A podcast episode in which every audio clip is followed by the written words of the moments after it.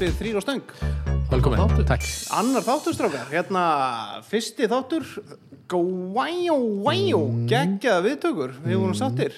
Já, bjóst ekki við þessu En það ekki, við hérna, eigum við kannski bara að byrja á því að, að hérna, uh, við eh, verðum með þetta á YouTube. mm, Já, von, von bráðar Von bráðar, það er smá, hérna, það er smá, við erum að vinna í smá, hérna, Tæknilegum ör, já, örðuleikum tæknimaðurinn er eitthvað að stríða, stríða Já, hann er bara ekki til staðar Nei, hann er ekki til staðar. Hann er, já, við erum að vinna í því að, að koma fyrsta þættinum á YouTube og það gæti líka vel verið að þáttur tvö sem að hérna, við vorum að taka upp sem er æsi spennandi verði eh, líka aðeins setni Já, á YouTube. En við erum að vinna í þessu og við eh, lofum uh, já, framförum þarna en ef við ekki að byrja því að minnast kannski á styrtaraðala þáttarins Jú. strákar, það eru það er að sjálfsögðu hvað, veiðikortið? veiðkortið við veitir ykkur uh, veiðilefi á 36 svæðum út um allt land. Mm og þar sem veiðin byrjar ekki morgun heldur hinn þá er því að við tökum hérna þáttu upp. Já, þá mæli með að fólk fari bara og kaup sér veiðkortið og fari út að veiða. Herðu, Otni já, hvar myndið þú byrja 1. apríl í einhverju veiðikorts vatni. Sko ég er og búin hvað myndir þú gera og hvernig myndir þú veiða? Já, ég er búin að heyra að uh, hlýða Nappadals í Íslaust. Ok. En uh, það er pínu akstur og það er búið að vera pínu kuldi. Þannig það er örgulega ekki alveg lagt að það eru vakir og það er hægt að gera flotta veiði þar á vorin. Hvað er maður lengi hérna frá höfuborgsæðinu að gera það er svona einn og hálfan, tvo tíma. Ok, Er og bara- það er frí, þetta er páskar. Já, Það þetta er frí, þetta er páskar. Það er hann að rétti á hraunsfjörði, ekki? já, það er leiðin í Hraunsfjörð. Já. Og kerir, og kerir yfir snæfellsensið, eða ekki? uh, nei, þar uh, þú beigir hann upp uh, meðfram hann að Haffjörðar á og þar kemur að já, mjög skemmtilegt vatn, það eru Þú fórst hann í fyrra, hraun ekki? nippur hann út um allt. Já ég fór hann í fyrra það veist, rennur hraun út í vatnið og það myndar fullt af svona pottum og sprungum og, ok, spennandi. og skemmtilegum veiðustöðum en uh, áhugaverðast að vita vatnið er að vastaðan er rosa breytileg. Ok, seitla svo mikið inn í hraunið og þegar rignir ekki mikið á sumrin þá festist bleikjan í bara svona djúpum pollum sem er svona sprungur í hrauninu. Við getum bara veitt hann með spjóti? Líku við. Geggja þetta, þetta minnir mig pínur sko á uh, frostastaðavatn nema með stærri fiskum það eru stærri Svo er þetta er svona lengi- svipað og frostastafa Svo er nú lengi haldið þið fram að þessi risastóri fiskari það eru ristóri fiskar í frostavatni sem er í veiðkortinu já, sem er komið nýtt inn.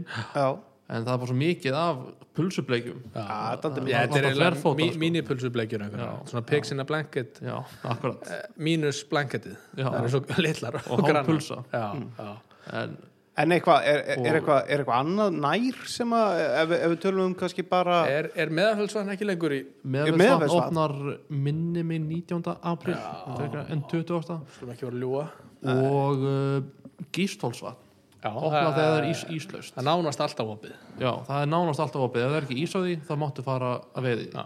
það er á vífistafa Vívilstafatni Og- ég var að fara, fara að koma að því að enda á, á því besta sko.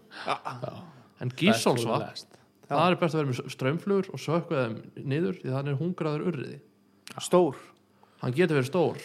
Hann, uh, Óli Tómas eins og við minnumst á svona 30 sunnum í hverjum þætti. Hann, hann, hann uh, fekk mynd senda af, af urriða þar sem var örgulega 8 til 10 pund en það er rosa mikið meðastæð í þessu vatni er bara svona í 1 til 2 pund Já, eins og gengur ok. að gerist í vötnum. Sem er nú líka bara allt í lægi svona fyrsta apríl. Það er bara mjög já fínt. til að aðeins að ná þessi grettinu og eitthvað. Akkurat. en vífilstafa vífistafa af því að það er mjög nálagt ég hef nú farið þar mikið og, og ég talaði um það hérna, eins og í flugukastunni þegar ég var þar að, hérna, þar fór ég aldrei þegar ég var að byrja að veiða. Ég fór mikið á þingvöll og mikið á vífurstafa uh, ég veitti nú örgulega meira í vífurstafavatninu og þingvöll en, en hérna þá kunni ég heldur ekki að veiða eitthvað en að því að var svo ógæðslega nálagt Mhm. og það er svo ógæðslega lítið að ég veitti nú yfirleitt á þessum svona helstu stöðum hérna sem flestir eru og svo lappaði ég bara hringin og stoppaði þarna, kastaði smá, lappaði hans lengra kastaði hans og eitthvað Akkurat. Eh, fekk nú yfirleitt aldrei neitt nema bara þarna á þessum stöðum sem flestir eru Hva,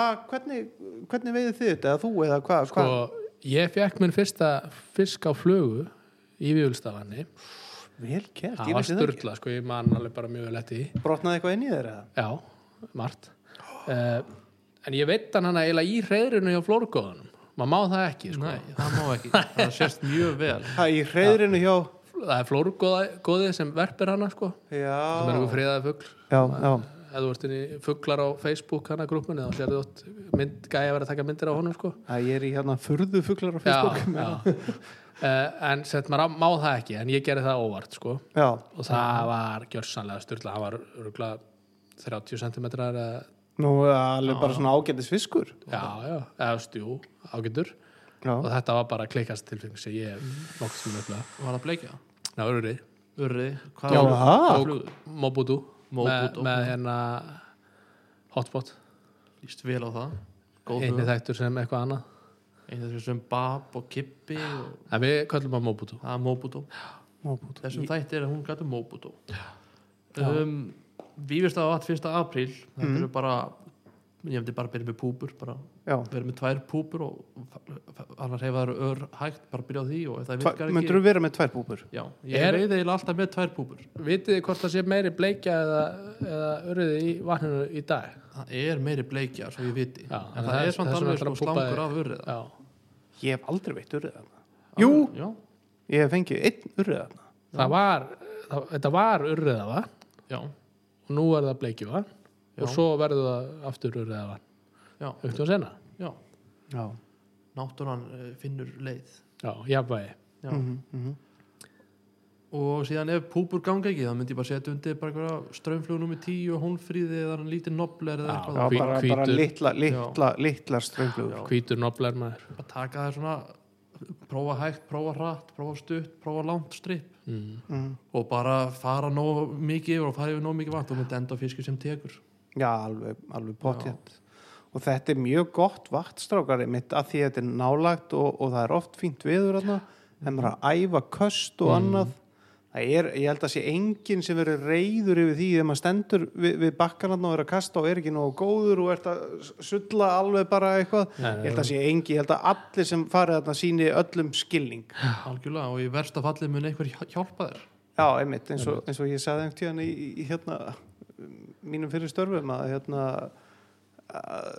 fyrsta skipti sem að einhver hérna kona hjálpaði mér í veiði og var að rakka tórst og, hérna ég var einhvern tíðan að veiða hérna og ég sá að hún var að veiða eitthvað og hún kom lappandi til mín með eða ég, hvort að ég spurði hana hvað er þú hérna, hérna?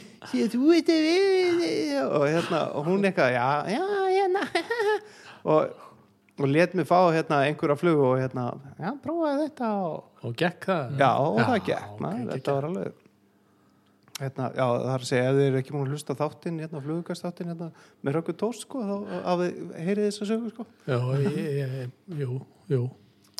Góðu þáttur. Já, mjög góð þáttur. En, en, en hérna, nú á því veiðukortið, já, við þakkum þeim. Þeim við erum mjög ánæður með að þeir sína ykkur skilning og eða skilning, vil ég bara hlaupa hérna undir? Sín ykkur skilning. Með það að, að við þurfum Já. hérna, þetta tekur tíma og, og hérna annað og, og hérna það er gott að þeir hlaupu hérna undir með okkur. En það er ekki bara þeir heldur líka besta brugghús landsæðistrákar Malbygg Cheers, mates. Stja, Kling, Kling. Æ, Ting, svo langt í burtu. Sótvarnir Hérna, uh, já, Malbygg uh, besta brugghús landsins uh, staðfest. Já, og ekki nóg með það að þeir eru náttúrulega að fá stálstæri ríkinu allt frá sko hérna einhverjum svona venjulegum pils, pilsnerbjórum eins og hérna drópi sem við erum akkurat að drekka núna. Þá eru þeir með alla tegundir af, af IPA og double IPA og stout og imperial stout og súrum og öllum fjandan heldur skabæng voru þeir að opna bar sem er svona taprúm sem er opið hjá þeim 50 daga til laugadaga já, mögulega. Og ég ætla að fullera það að þeir sem að eru að hlusta og hafa svona einhvern smá áhuga á bjór og, og gaman að drekka bjór og gaman að smakka alls konar bjóra þá er þetta besti bjórbar landsins. Staðfest, það er bara þeir eru bara með malbygg og krana alls konar dót og þeir eru með þeir eru með sturlað úrval af, af hérna, súrbjórum á, á flöskum, allt frá sko 2010 mótel af súrbjórum. Já, ég gæti farið í gríðalega dítela hérna, en ég er búin að fara þarna og ég er búin að drekka þarna gríðalegt magna brenniðinni, eða bjór. Og, og hérna ég bara átti ekki til orð þetta var bara eins og koma á, á fínustu bjórbari í New York sem að maður, maður sko missir eh, bara fag og saur að koma þangað inn sko. Þannig að þetta var mjög svipað sko. Þannig að við erum einnig þeim mjög þakkláttir algjörlega. Þannig að annars værum við mjög þurir hérna. Værum bara ekki hér án þeirra. Nei bara alls Nei. ekki sko. Við gætum þetta ekki. Uh, þá er komið nóg að, að- pluggi og, og hérna og öðru nema kannski ef að ef að einhver vill vera með í þessu hérna partíi og skemmtilegasta hlaðvarpi á okkar mati á Íslandi í dag. Já, bara í heiminum. Já, í, á ég- jafnvel heiminum. Þá hérna endilega hafið bara samband við okkur og, og hérna við skulum hérna kíkja, á- kíkja. Við um okkur langar bara ef, ef að allt uh, blessast að vera með einhverjum heyriði bara í okkur. En strákar, hvað hérna hvað er að skeja hérna í veiði heimum og annað og hvað ætlum við að gera? Það er margt búið að breytast frá síðasta þætti. Já, Eða að byrja það- kannski að þessu okkur? Hvað, hvað er búið að breytast? Já, við erum þrýra að fara að veiða saman að deila stöng 1. apríl. Já, Við erum með báðastanginar Já, en við ætlum bara að nota eina. Já, við erum með báðar, við ætlum bara að vera þrýra stöng. Það verður bara ein stöng tekið með og við verðum þrýr akkurat. Og við erum að fara í Villingavassár Ós Gaping, Hæng herðu, já, pæng þetta er, er þetta ekki fyrsta skipti sem að nopna svona stemma Jú, við verðum fyrstu mennir til að bleita færi í Villingavassár Ós Já. 1. apríl. Þannig að fylgist með okkur við og nú örgulega eftir að stopna hérna bæði Instagram hérna fyrir, fyrir okkar, okkar, okkar hérna hlaðvarp. Já, og, og við erum alltaf með Facebook síðun okkar. Og við ætlum kannski minna fólk á að læka like síðun okkar. Og fara í hópin og umræðu hópin strákar. Við kannski hérna einmitt Já, ég lækaði læksíðuna í dag sem þú bjóst til. Já, já, mjög vel gert sko. Hérna, maður ekki hvort að ég sé búin að læka Það en, var heldur gott, það voru fimm læk og svo eruðu sex með mér. Já, vel með gert. mannurum sem bjó síðuna til. Já, já. Ég stend mér í stekinu en umræðu hópurinn strákar við, við hérna, minnum á hann. Endilega hérna, verið með okkur að, að hérna, spurja spurninga og, og við reynum að svara. Og hvað þið vilji heyra? Hva, Það var nú komin ein spurninga ekki Jú, komið. það kom einu fyrirspurn um hvernig við getum aðeins bætt þáttinn. Já, já, já. Að bæta við nýjum lið. Já, Bjartur Ari Hansson já, aðal aðdándi okkar. Hann er, hann er ekki búin að sofa í þrjár nætur og það er búin að sagða að þátturinn væri að Það koma var búin að já, já, auðvitað maðurinn er bara að blöndósi svefnlaus og, mm, mm, og hann lagði til að uh, við myndum bæta aðeins meira inn með tónlist. Já, hvaða tónlist fólk hlustar á þegar leiðin á veiðistað Ok, hvaða tónlist í veiðúsinu og leiðin heim Já, kannski að maður ma ma taki, taki það sem svona ekstra spurningu og klingi svo út á veiðilæginu. já, já akkurat Það er möguleiki Það er Kannski. Svona uh, fyllum okkur aðeins áfram Já, því. já.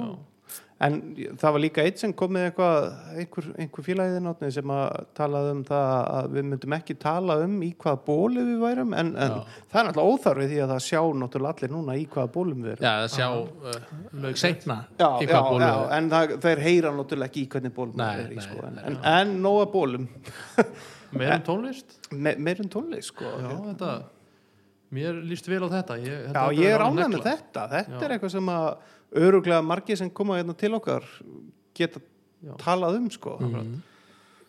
tökum bara einn ring núna. Hvaða lag verðið þið að hlusta á þegar þið eru að fara á fyrsta veiðistað í góðri veiðiferð Vapp. Vapp, Já, ennst á. Wet Ass Pussy.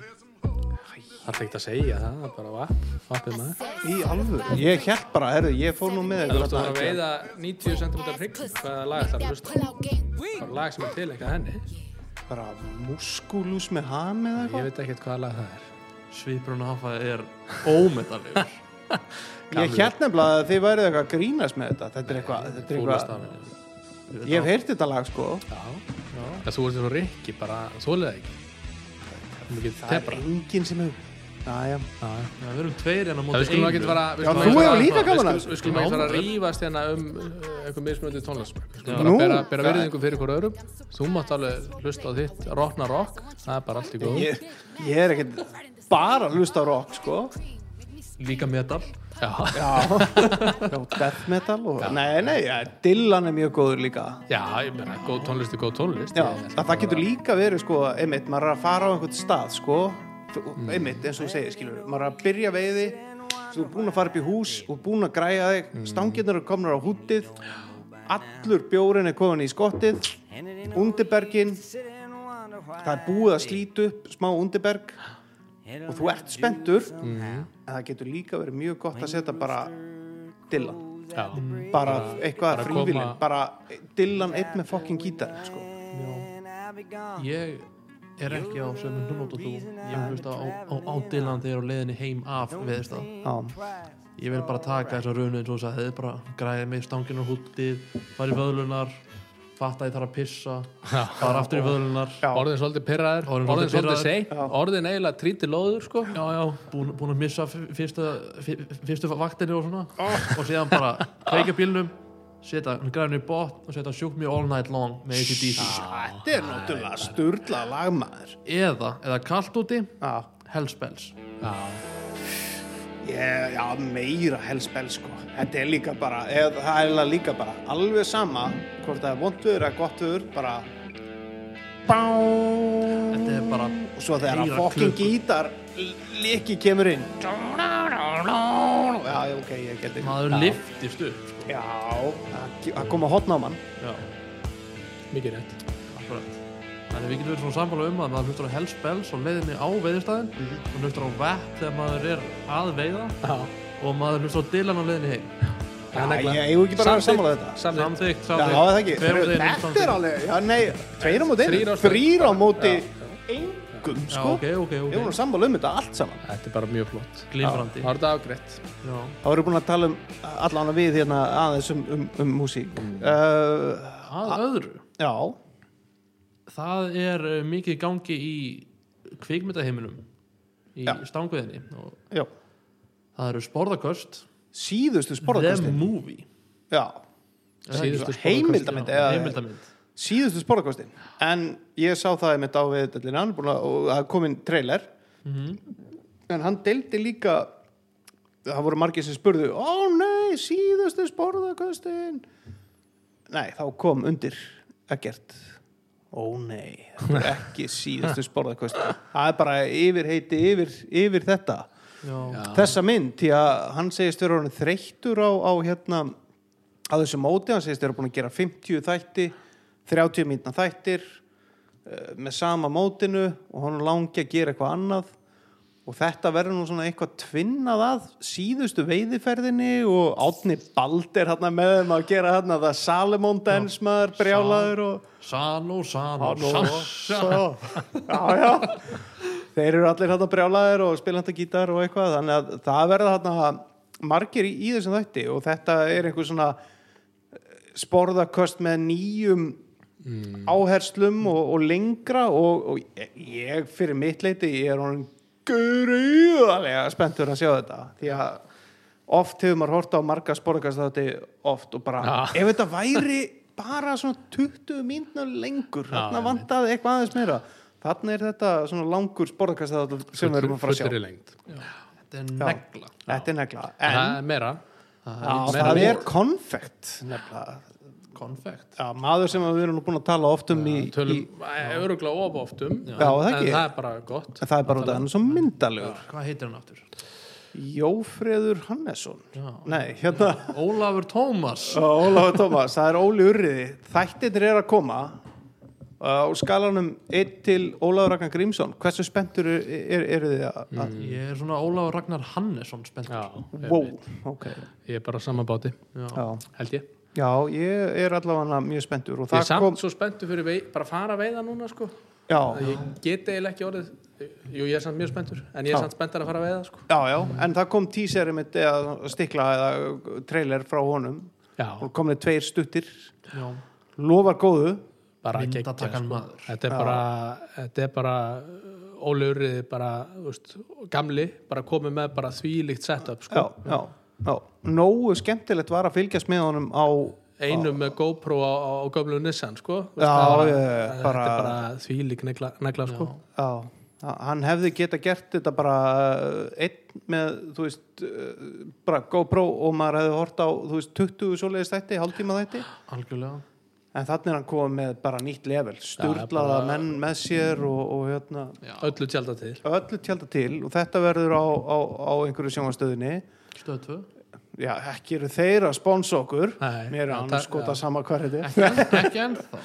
Nei, það gæti nú gefið okkur eitthvað hérna. þannig að við getum nú kannski hort á þættina og, og fjallað um þá. En Óli á nú eftir að koma hérna til okkar. Er það ekki? Eða? Jú, Það leiðum líkum að því. Já, og einn kannski góðan eitt góðan við þetta við, við, við, við skulum reyna að fá hann fyrr en setna til að tala kannski um þess að og geta kannski skvílað já, já, já. vera með skúp Við Við erum með skúp sko. Já, við þurfum að ná á- áður hann fer upp á hei, heiði. Já, já, já, hverfur hann í þrjár vikur. Já, hverfið þráleikur en ekki í Norðlingafljóti hérna sjö vikur í sumar með menn. Já, bara í, saf í safaríinu. Bara Óli með gítarinn. Já, geggja þetta með já, það er eitthvað sem er spennandi það er eitthvað sem ætti að vera bara í hverju viku sko. já, já, það væri gaman sko, það, væri gaman að fylgjast með því bara, Óla, Óla einum hérna. en við fengum gest í dag við höfum kannski að tala eitthvað eins og það? Já, herðu, strákar, við fengum besti gesturinn hinga til, myndi Já. ég segja. Ég myndi segja Langbesti. Já, ég held að við, við getum líka sagt að við erum að byrja svolítið mikið á toppnum. Já, Já, það við verður erum ekki- erfitt að hérna, fylgja þessu eftir. Já, því að ekki bara góðu gestur heldur er hún sko drottning. Já, konungsborin. Já, já, hún er veiði drottning allavega. Já, já, hún hefur fengið titilinn Hún hefur fengið titil, hún kemur, kemur að því í þættinum en, en við fengum til okkar hana hérna hörpu hlín Þórðardóttir frá Æsland Outfitters. Já, þetta var bara rosalega þáttur sko. Já, þetta var, hún hafði margt að segja, við fórum stiklum örlítið á Æsland Outfitters og, og hérna og ánum þeirra, við fórum aldrei vel í uh, Leirá mm. sem er nú að fara að byrja núna og hérna margir spennti fyrir og nánast uppselt og tækni og, og annað og, og, og hvar hennar veiði fyrir byrjaði og, og hvað hún allar að gera í sumar og, og við komum nú aðeins inn á ytri það rángá reyndum aðeins við reyndum sko en, en erfitt en, en það var samt fróðlegt. Já, já, algjörlega. Og, og hérna, já, þannig að uh, ég vona hlustendur okkar og árendu verði nú ánæður, ánæður með þetta. Þetta er bara stór skemmtilegu þáttur. Já, þetta var nefnilega já, stór skemmtilegu þáttur. Við förum um víðan völl og veiðilagið er geggjað. Já, geggjað, já, við, við ætlum að halda því að það verði hérna lag og, og hérna já, við erum, við erum ánæður með það og hérna er eitthvað meira sem að við getum eitthvað talað um eða eigum við bara að hefur ekki bara vind okkur í þetta? Kýlum á þetta. Eða ekki, þá bara skellum við okkur yfir hérna til eh, í settið, hérna, færum okkur í næsta sett til já, hörpu. a- aftur í tíman, Já, sjáum ykkur eftir smá. Gjör svo vel. Gjörðu svo vel. Gjörðu svo vel. Velkomin í hérna þrýr og stöngkarpa og það er gott að fá hérna gestan að við getum nú verið tveir eða tvö á stöng, ekki, ekki hangi hérna þrýr einhverjir pungar. En, en gott, að, gott að fá því þáttinn og, og bara velkomin. Já, þakka fyrir. Herðu, en við ætlum svona að fara yfir bara svona hitt og þetta og, og, og hérna í sambandi við bara þína veiði og, og, og veiði félag og annað og þá kannski bara förum við bara hvar byrjar veiðin og veiði áhugin bara svona hjá þér, bara svona yfir höfuð. Hvar mannstu fyrst eftir þér og Sko, veiðin byrjar bara þegar ég var að veiða með pappa þegar ég var lítil, en það var engin veiði áhugi í gangi þá, sko. var það í kópáðslegnum eða? Nei, það var ekki kópaslega, svona meira svona þingvöllum og vífilstaðavatni. Við, við byggum á vífilstöðum, sko, þannig að það var að fara svolítið þangað að veiða. Fyrsti fiskurinn kom úr vatninu. Og, en svo byrjaði ég að veiða svona af áhuga árið 2000. ok, ok að það er komin 21 ár síðan. Hvað hva, hva, gerðist þarna í kringum þetta 2000? Hvað? Uh, ég byrjaði að vinna hjá Lagsá selja veðlefi og hérna, ég þekkti nú ekki munin á laxi og sílungi eða, þegar ég byrjaði en hérna, þá fekk maður svona tækifæri samt til þess að fá að fara hérna, að veiða í hinnum ímsu ám. Já, og fyrsti laxin minn hérna, það sem ég veit alveg sjálf ég, þú veist að veri, einhver hefði hjálpað mér áður sko, en það sem ég veit alveg sjálf kom upp úr Flókudalsá og hérna það var ég bara ein sko og var, Stress. já, rosa stress ég var búin að fá svona, þú veist, leinitrykk sko, hvað ég ætti að gera ok. og hérna Myndur þau öll eða? ég var búin að skrifa það niður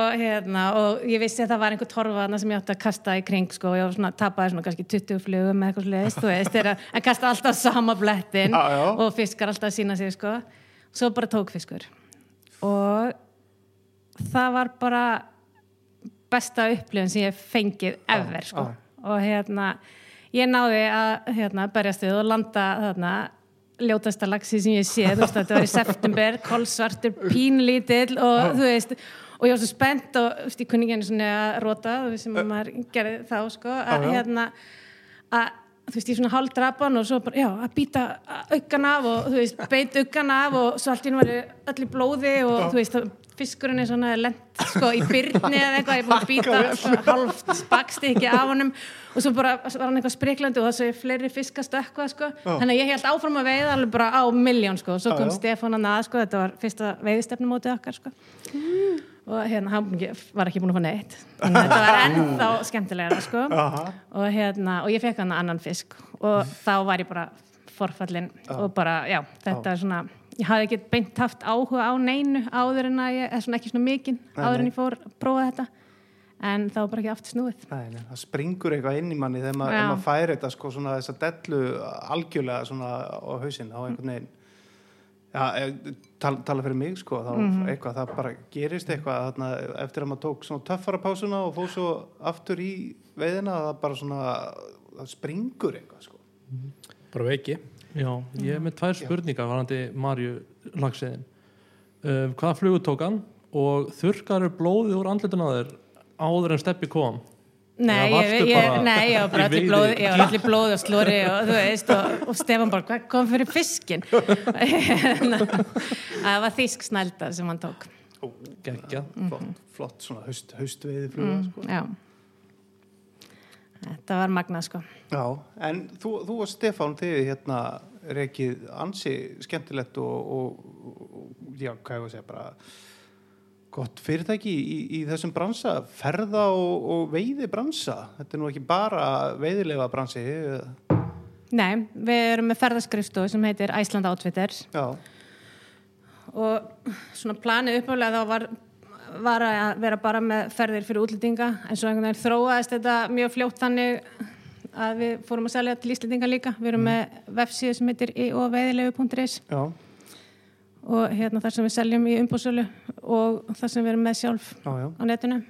En já, hérna, en nei, þetta er ekki bara veiði. Við erum með, þú veist, hérna ferðir, þú veist, það er mikið af svona kannski, svona prívatferðum. Fólk sem kemur bæði til þess að veiða og ferðast. Já, já. jáfnvel kannski einn úr fjölskyldinu sem að fer að veiða og hinn er að ferðast. Akkurat, akkurat já, þetta, er- þetta er mjög, mjög skemmtilegt voru ekki, voru ekki að endurbæta síðan eitthvað? Er það búið eða? já, já, já, við vorum að hún, var Komin í ve- lag. vef, hún, sí- hún, síma- virk, hún virkar núna. Já, ég veit að hún virkar Já. það var ansi oft í, Já, fyrra manni var að senda steppa eitthvað, Hún hvað er hérna, þetta er ekki alveg hún er að fara inn á þetta, ég er búin að því þetta er að, að, að Nákvæmlega. Já, hún virkar, hún Já. á að virka núna. Já, já, já, þetta- Stefán endilega vita að hún virkar ekki.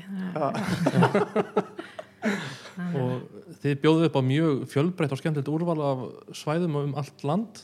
Já, já, allt frá bleikju yfir í lags já. jável sjóstangveiði þið eru með bát Já, við keftum bát og það sem við buðum på sjóstangveði ferðir en svo bara kom COVID og útlendingarnir hægt að koma þannig að við erum núna komin í útgerð eða strandveið þannig að við bara hérna ok. erum að láta bátinn reka sig með því að vera með skipstjóra sem að fer með bátinn og bara er að veiða á strandveiðum. Ok. Af því að það náttúrulega er ekki markar fyrir hitt núna Hver, hverja voru að stíla inn á með stangveðina, sjóstangveðina? Sjóst, útlendinga, bara svona dagsferðir bara dagsferðir fyrir útlendinga Reykjavík alla útlendinga er ykkur úst, Í- sjóverjar eða mm, Nei, nei, bara, þú veist, mikið fólk sem er að veiða hjá okkur, þú veist, að bæta við hennum degi. já, já, Já, bara dæmis- Já. Já. tegundum bara E- Já, og, þú veist, og svo er náttúrulega, þú veist, við erum mjög sterk í dagsferðum, þú veist, þannig að og í gegnum ferðaskrifstúr og hótel og svona sem er að kaupa mjög mikið af dagsferðum hjá okkur og þau voru líka, bæði hótelin og ferðaskrifstúrinu voru líka að kaupa þessar sjóstanguði ferði hjá okkur. einmitt Ok. Já, það er spennandi sko Já, já, einmitt, nákvæmlega. og einmitt já, góð kostur fyrir sérstaklega fyrir útlendinga að bæta við þessum degi sko í Algjörlega. eitthvað svona alveg nýtt æventýri sko Já, svo þú veist, grillu um borð og svona, þetta var svona Já, skemmtilegt, sko. Já, flott, Já. flott, flott. Já, ég fór í svona einhvern tíðan fyrir tveimur árum með eitthvað frá Reykjavík bara Já, Já. og það var eins og gegja hérna að við veitum bara fullt af einhverjum hérna smáþóski sko. Já. og svo var hann pönnusteiktur sko þegar komum í land og, og jetin sko. Já. Gekkja, það gekkja. er svona Já, það er skemmtilegt, sko. já, og líka bara því að, þú veist, við kannski erum svona, Íslendingar erum kannski tengdar í náttúrunni heldur en kannski margir sem eru aldrei upp í stórborg, þeim finnst þetta aldrei geggjað, þú veist, að geta veitt sér í matinn og bara borðið það um borð Já, já, og þú veist, já, þannig að það er rosa upplifun, sko. Já, Þú veist, já, ég held að allir muni eftir fyrsta fisknum sem það veitti, þú veist, bara, potið sko. Já, frábært ég man eftir að ég skráði með þessu í svona sjóstangveiði ég var nýg búin að, að gæta heilsumar í jöklu. Fór eitthvað heim og kom eitthvað auðlýsing bara eitthvað sjóstangsveiði, ebling ja, hvað eld, elding Elding, elding, já, ekki já. ebling og, ok, ég skráði mig í það. Fórum hann hjá, við þeim mjög gaman og ég bara, ég held að ég veitti sko 30 makrila ég fekk ekki einn þorsk. Já, Æja, já, þó ég vildi ekki borða makrilin minn. Ég henda hann alltaf út fyrir. Já, já, fullt að kínvörum í bátnum hann skildu ekki því sem íslending sem alltaf að henda fisknum já, nákvæmlega. Við erum ekki með alveg svona stóran bát, við erum með bát sem að tekur tíu manns mestalagi, þannig að þú veist, oftast er þetta kannski svona bara tveir til fimm eða eitthvað svona fjölskyldur kannski sem er að fara. Akkurat, akkurat. Þannig Já, að, skemmtilegt, já. Að útlendinga meta náttúrun allt öðru sem fór ég með í svona bátsferð það sem að á Jökulsalónið það sem var eitthvað bara veist, ef, við förum svona aðeins út, út fyrir það þá var, var tekin upp svona klakki úr Jökulsalónu og gætin fannst það alveg rosa sniðut hvort að við vildum ekki halda á brotinu og ég bara, hvað nei, nei, nei, en útlendinga það voru bara þeir bara trúðu sig já, halda á jökli, þetta er náttúrulega geggja, nei, ég var ekki alveg þessu. Nei, En, en já, og, og þið eru náttúrulega með alveg hellingað ám, hvað, hva, hérna, já, við erum náttúrulega með, þú veist, silungsveið ár, hérna, eins og við erum með vatnarsveið Lísu, við Já. erum með brúar á Sel, við erum með tvö sveið í Hólá, Austurey og Lóðurshóla. Svo höfum við verið að selja, þú veist, í umbúð, svo náttúrulega erum við með Íonsveið í umbúðsölu, í samstarfi við Íon Fishing og svo erum við með náttúrulega Röðafoss og öll sveiðin þar í kring, lagsveiði og hérna, já, Leirá. Leirá, Leirá. nákvæmlega. já, við kannski komum daldi, hérna, förum kannski daldi vel yfir leira á, hérna, eins og ég var að segja við strákana hérna í síðasta þætti, þá, það var alveg kolfjalli fyrir þessari á í fyrra, það var eitthvað, það er eitthvað matsik hérna, bæ, bæði, bæði áinn og svona alltaf indislega húsið, svona kósi og fínt fyrir svona ymmið tvær stangir og eitthvað og hérna ég, ég og konun að fara þarna aftur og hérna öllum að fara miklu oftar í fyrra en komast bara einu sinni og, og hérna en eh, sko hvenær takið þið við þessar á og segðu okkur frá þessu ævindýri því að þessi á er eh, sko í sjóbyrting bara, bara perla sko Já, sko, við erum búin að vera með henni í fjögur ár. Ég held að þetta sé fymta árið sem við erum með henni núna. já, Og við vissum í rauninni, þekktum hana mjög lítið, sko, en við bara sáum strax að væri svona möguleikar hana. En hérna, svona fyrsta árið sem við tókum við henni, þá ákváðum við strax að þú veist, þeir bara veið að sleppa. já, Og svo bara, þú veist, það var mjög lítið vatn í áni, þannig að það var erfitt að veiða hana. mhm, við veitum hann eiginlega mjög lítið um vorið og þú veist þannig að svona kunnum eiginlega ekkert almennilega á hana sko nei, og hérna en svo bara hérna já veitist hann þetta svona veist, ágætlega um haustið þannig og hérna þannig að við svona sáum að það var smá von og þetta myndi ganga sko. Var smá potensial Já, nákvæmlega, akkurat. Og hérna, en svo hefur hún bara komið okkur svo gríðalega óvart sko, hérna, þú veist og milli ára þá liggum við sko að fiskurinn hefur tvöfaldast í stærð. Já, og, og sama, þú veist tvöfaldast í magni líka. Já, já, þú veist að þetta er eiginlega bara ótrúlegt sko, þú veist, hérna, eins og fyrsta april í fyrra, þá fengum við sko 36 sjóbyrningar Já. þú veist, ég meina þetta er alveg rugl og, og stærsti var, hvað held ég, 90 cm eitthvað, þú veist. Og, já, já. já, þetta var eiginlega sko, bara 87 eða já, eitthvað eitthvað svo leiðis, já. Það, ég hef kyrt yfir leir á sko þúsundsinnum áður en þið tók hann á leigu og ég hefði aldrei hugsað, maður er alltaf bara, ú, lags og í leir og síðan er bara leir á, þeir eru búin að gera aðeins að frábæri sjó, sjóbyrtings á Já. maður hefur aldrei trúað því að ma maður getur farið þess á og gengið að bara stórum og flottum sjóbyrtingum Já. í gull fall, fallegum hiljum ég veit það og betur sko hún leynir líka svo á sér sko, þú veist, ef hún lappar með áni Mhm. þá sér ekki neitt af því að það er svo miklu holbakkar þarna Mhm. og þeir hérna, og þú veist það er sama leður þeir taka fiskarnir, þá fyrsta sem þeir gera er reyna að tróða sér undir Já, til þess að losa sig sko og fela sig. Já, já, þannig að þú veist það eru mjög margir sem að missa þú veist, það er losnar úr þeim sko þegar þeir eru að komast þann undir. Þannig að, já, þannig að þe- þeir hafa mjög mikið skjól sko. Já, já, já, og svona ná að verja sig með því að fela sig þann undir. Já, já, einmitt, að- já, einmitt, maður- þegar maður lappar hana, þá er bara, maður bara, nei, já, potið ekki tér, nákvæmlega, já, kasti í þetta, já. Dúm, er, þetta Hva, er, hvað er það svona það sem þið gerið, hvað er stærsta breytingin? Er það bara við að sleppa já, við að sleppa. Það er bara basically já, það er eina sem við hefum gert sko. Já, Var hún fly only áður en þið Nei, nei, nei, já, nei. Já, þannig að við að sleppa fly only. Já, og hvað er langt síðan fjögur ár ef ég mann rétt. Já, Já. þetta er ekki lengi að gerast? Nei, þetta er ótrúlegt sko. Já, já, þetta Já. sést náttúrulega bara ári frá ári, bara einmitt fjöldi og stærð, sko, já, nákvæmlega. Sjóbyrtingur og lags já, sjóbyrtingur og lags, hann alltaf, já. Já, það er tölvert að lagsi þarna, er það ekki á haustin? Eða svona, eða, Jú, þú veist, það var reyndar ekkert sest þetta í fyrra en, en árin, árið á undan var bara fínt sko. Já, og hérna, og svo náttúrulega þú veist þegar maður sleppur aftur þá hérna, einmitt. það nýtist öllum. Já, einmitt nokkulega, sko Þannig að- Þú fegst þetta ekki stóran lags í hann að þættur með Gunnar Bender fyrir tveimur árum, hefur mann rétt. Já, já, lags eða sjóbyrting en ég hef alveg fengið stóra lagsa þarna líka. Já, þannig að þú veist að ég menna lagsar sem eru bara 90 cm eða eitthvað sko að, er, að, það er alveg magna hvað kemur upp úr þessari á sko. Já, já maður hugsa einhvern veginn að 90 cm fiskur í þessari á maður myndi vera Nákvæmlega, var ekki varpa trúa. pláss, nei. síðan sér maður myndina frá ykkur steppa og maður er bara ha, nákvæmlega, nákvæmlega þetta er, þetta, já, og að því hún er svo lítil, sko. Ég veit að á sömurinn alltaf rennur hún ekki. Na, já, þú veist það er bara ef það er, kemur þurrkasumar. Já, en þannig að hérna, en á haustin er hún alltaf ógæslega skemmtileg líka þegar það er sjóbyrtingur og lags í henni. Mhm, mhm Mér langar svona daldið að vita, hvernig, hvernig veiðir þú til dæmis leira á að sko vori eða þið, hva, hva, hvernig, hvað er svona, hvað er planið eitthvað, hvar viljið byrja, hvert farið í, hvað hilji, farið í alla ána eða hvaða taktík notið þið, er það að nota bæði strömmflugur og púpur og, eða, við notum eiginlega bara púpur á vorin já, og veðum anstremis já, og venjulega erum við með tvær flugur á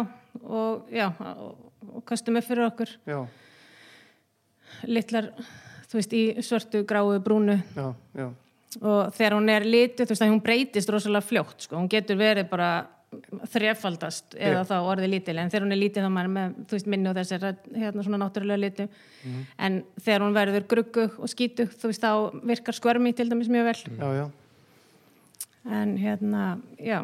Langu taumur, þú veist, og ekki kíkja í hiljana áður en þú kastar það það er eiginlega bara að því hún er svo viðkvæm. Nákvæmlega, nákvæmlega, passa skuggan passa skuggan, já, já, já, er, er það að veiða með tökuvara eða, Já. eða, já, það er með tökuvara. Já. Já, og hérna svo veist, á vorin þá er það svona bara fyrir neðan brúna, fyrir neðan aðalbrúna þú veist, þá er ég ekki að tala um fyrir neðan fjögur heldur fyrir neðan, þú veist, það er já hvað þetta er leir og sveitar vegurinn sem maður fer hérna upp yfir. Já, en það veiðist alveg fisku frá ós og kannski upp í svona 15, 16 já, já, já. Strax á vorin Já, og hvaða staðir eru svona afla hæstir? Sko síðustu árin þá hefur fjögur verið bestur en í fyrra var hann ekkert bestur. Nei, var ekki hérna 10 eða 11 dálítið? Jú, 10, 11, svo finnst mér 14 þú veist, ég fengi örgulega flesta fiskana í 14 Já, það er svona beigja og já, eiginlega bara sko 16, 15, 14 13 og svo 11, 10 já, já, já, já, já. og svona miða frá veiðihúsinu er, er þetta að labba frá veiðihúsinu á nokkra góða staði eða? Já, maður veiðir sko næsta hlutan þá leggur bara alveg við þjóðveisbrúna, þú veist, frá fjögur þú veist, maður veiði svona fjögur og þrjú þú veist, það er ekkit alltaf sem að mann ennir að fara eitthvað lengra nýrtir og Þó svo sé nú ekki langt, sko. Nei, nei, kannski ekki langt en er þó svo sé, þetta sé ekkit stóra og þá, þú veist, hefur maður dagurinn svo fljótur að líða, þú veist, þannig að hérna, mann langar að fara á, þú veist, öll svæðin eða allan frá svona 16 og neðrittir þannig að hérna, já, svo náttúrulega er þetta að keira alveg upp að sjö, veist, upp að veiðúsinu Mhm. og ef maður ætlar að, hérna, þá getur maður sko, maður getur lappað upp yfir, þú veist, og tekið þarna 10-11, en Já, oft stutt, stutt að labba í þá frá það, já, það, er ekkit, sko. það er ekkit svo langt en við venjulega keirum niður að 16, leggjum þar bílnum og veiðum 10, 11, 12, 13, 14, 15, 16 og keirum svo niður að veiðhús og veiðum þar í kring Já, já, já, já. og það er sko til að komast að þessu miðsvæðinu þá keirum maður yfir ána þú veist að hérna uh, efri brúna Já, og beigir þar niður veiðveg já, akkurat, akkurat. Hvað er hérna, hvað er hann verið að hanga lengi þannig sjóbyrtingurinn um á sumar? sko við erum að veiða núna fram í miðjan mæ en veist best hefur þetta verið í april Já, já, já. og svo byrjar þetta týnast út. Þannig að Já, og aðgengja veiðustöðum er það ekki bara mjög gott? Það er, jú, ég myndi segja það væri Já. gott. Já bara mjög gott, sko. já, Já, það er einmitt svona að dástaði hvað veiði kort og fleiri svona upplýsingar til veiðmann hefur alltaf verið frábært hjá ykkur. Já, takk fyrir Já, ég reynda sko, fór, fór hann í fyrra og, og, og hérna Ólaf Tómas kom hann og droppaði við í kaffi og mm. veitti hérna eitthvað með okkur. Ég hefði allavega ekki fundið stað 10 og 11 hefði hann ekki verið með. nei, emitt ekki bara Eh, þú? veist, þannig Já, já, sko, ég hefði kannski getað svona einmitt með einhverjum kortum og eitthvað svona, jú, nokkurn veginn fundið út en, en eins og vandaði merkingar en það er svo sem alveg hægt að finna það út já, já, sko. já, emitt En, en, það já, já, það er náttúrulega alltaf hægt að bæta sig. Og Já, já, já, já, það, það þyrfti kannski að merkja aðeins betur einhverju staði þannig en, en svo sem, þú veist, ma maður finnur út úr því sko. já, já, en, já, en kort er allan ágætt ef maður, þú veist, það voru bara, og svo þú veist, viljum við endilega deila öllum upplýsingum þannig að þú veist, Já. við setjum á netið svona frekar, svona relevant upplýsingar þegar, fiskarnir er að veiðast og svona, þannig að allir njóti. Já, já. Veiður hana líka alveg eins bara þegar þetta er komið fram í mæ veiður hana alveg eins allan apríl og svo Já. og, og fram í þennan miða mæ eða eitthvað. Já, maður þarf kannski bara að vera aðeins meira kreatív á flugum að því að kannski er búin að sjá svolítið sama. Já, og hérna en já, já, þetta er bara svolítið svipað. Já, já, já, já. Og, og já, ég tók líka þetta við fór hann í sjöuna mjög skemmtilegu staður sko. Já, ég, vorum hann með, með tvær stangi við tókum held ég þrjá hann úr, úr sjöunni, mjög skemmtilegu staður sko ég sá um þetta Ólfur Tómas var að taka drónavídjó af sjö núnum daginn Já. og það voru einhverjir sex fiskar eða eitthvað vænir þar sem að býða eftir mér Hún byrjar í sjöunni bara. Já, kannski já. já, já, já. En þið lendi vonandi í betra veðri núna í ár en, en, en Ég tók ekki eftir að væri vond veður það er bara, var svo geggju veiði Já, að það bara, þú veist, maður fór og þú veist, breytti fingunar og tætnar aðeins öðru hvoru, þú veist og, hérna, og braut og lykkjum og svona en, en það náttúrulega var bara svo klikkuð veiði að þá bara já. finnur maður ekki fyrir neinu Nei, nei, mitt. og svo líka, þú veist þú veist, fiskarnir voru að taka þú veist, og svo daginn eftir var búið að kólna og þá, þú veist, þurfti að veiða niður í gegnum, þú veist, ísinn sko. Já, já, það hérna, þannig að maður nýtti sér það ef maður kemst út. Já, já, ég minna alveg.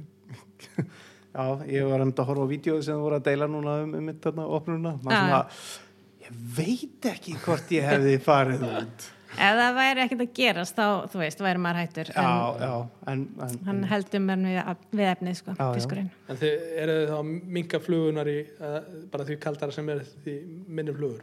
já, svolítið þannig, já Hvað byrja farið þið langt niður? ég veit ekki, bara minnst, bara minnst það svo átt Já. já, já, þú veist að því minna því betra Já. 16, 18, 20 maður byrjar bara, maður byrjar bara á því minnsta og svo Já, vinnur svo upp. vinnur svo upp, já Og endar í skörmi. Já, já, maður gerir það, já, en það er samt þú veist, hann virkar ekkit alltaf, þú veist, eins og Nei. það er oft betra að vera með þessar náttúrulega liti þegar eins og þegar það er sól og svona. Já, já, við erum bara með eitthvað fasenteil og allt þetta. Akkurat og jámvel þegar kemur fram í mæ þá er jámvel örgulega hægt að veða þetta þurrflugur bara galdralöp bara dry and drop er það ekki? Jú, þú elskar nonni. Já, það elska ég. Mhm, En bomber, hafið eitthvað veit á bomber að hana? Nei, ekki prófað við höfum verið svolítið hann í tungufljótinu og hann Beggi hérna félag okkar. Beggi Guðna sem er með okkur í árnefndinni. Hann veði bara sjóbyrtinga bomber. Já, í jökulvatni, bara í skilunum. Ok, það var hendur sko. bomber maður horfðum á hann svona fyrst bara svona uh, já. Og síðan senda hann okkur mynd bara hann var að veiða í ykkur skilum hann fyrir austan og hann var bara með 70 cm sjóbyrting sem tók bláan og brúnan bomber Já, það var nú með þú veist, fjögur eða eitthvað sko. Slummu já, já, bara, þú veist þetta er eitthvað sem ég myndi aldrei prófa en greinlega svín virkar ég, ég er kannski pínir svona svolítið glískjötni í fluguvali þú veist ég fer inn og Stefán spyr maður sjá trúðaflugunar sem hún já, Mér finnst alveg gaman að prófa eitthvað sko, þú veist og ég veit ekki eins og hvað það heitir sko, þú veist en hérna ekki Nei, það að það skiptir einu máli sko. Nákvæmlega. En hérna Stefán er meira svona hefbundin í flugvali. Svona er bara einn tegund eða tvær. Já, já, samt ok. er hann frá Norðurlandi, þar sem er svona maður sér suma flugur frá nýturum og akureyri og svona sem maður bara vá, þetta er fullt mikið disco fyrir mig. Já, er steppið á bara Black Sheep, já Hail hann Mary er svolítið já, já, hann er svolítið meira svona það er ekki traditional. neon hérna neon, litunum. já, þú veist hann prófar það kannski en hann er samt svona, já, frekar hefbundin já. og hver er þá uppáhaldsflugan þín? sko, í lagsi er það haugur Já, bara haugur hits. Það er bara, bara það er mikró, bara hefur mikróhits bara, já, bara mínir best, mínar bestu stundir hafa verið með þær eins og í lagsa í dölum. Það er bara gegja já, já, Það er bara fyrsta flugu undir þegar þú ferði í Lagsá já, já, og hún svíkur ekki. Nei, ekki enga til. Já, og það er líka bara svo, þú veist, miljónsinnum skemmtilegra að sjá fiskinn taka á hitt seldur en eitthvað annað. Það er bara, já, það er eins og tíu lagsar að fá eitt svo leislags algjörlega en í silung er það bara bara er það sem virkar það, meina, bara eitthvað lítið og Já. einmitt jarð, jarðliti og Já. þetta,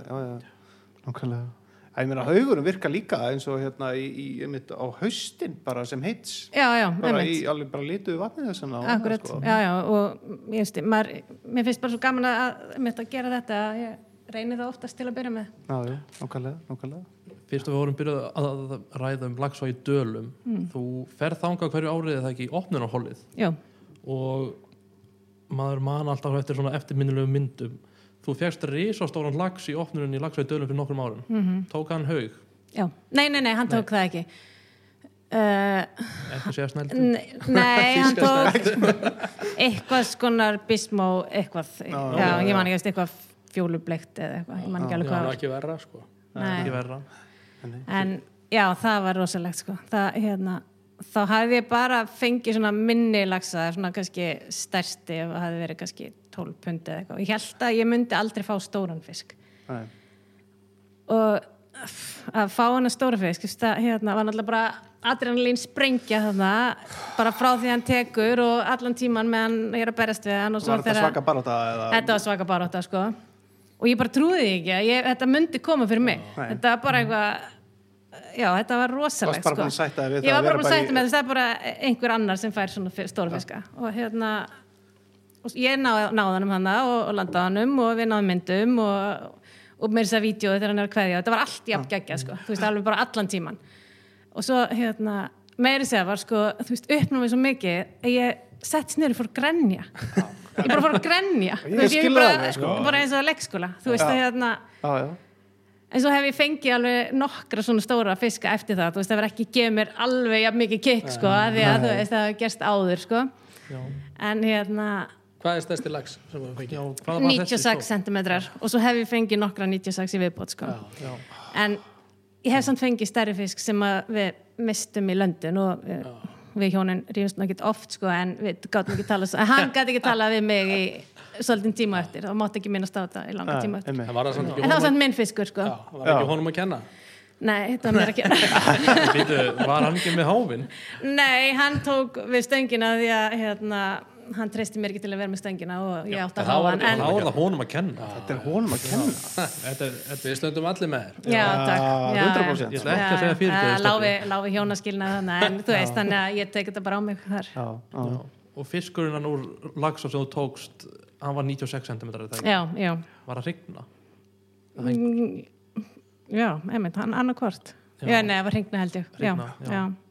geggjað já, Þetta er, þetta er alveg magna. Já, ég hef ekki náð, ég hef ekki komist upp í 90, ég er 86 og ég mitt stundum hugsaði mitt bara, já, já, ég bara er þessi gaur, ég, ég næ ekki upp í 90, sko, nákvæmlega en kannski... ég það er ekki, ég bara treysti mér þetta getur gerst. Er bara, maður bara býður.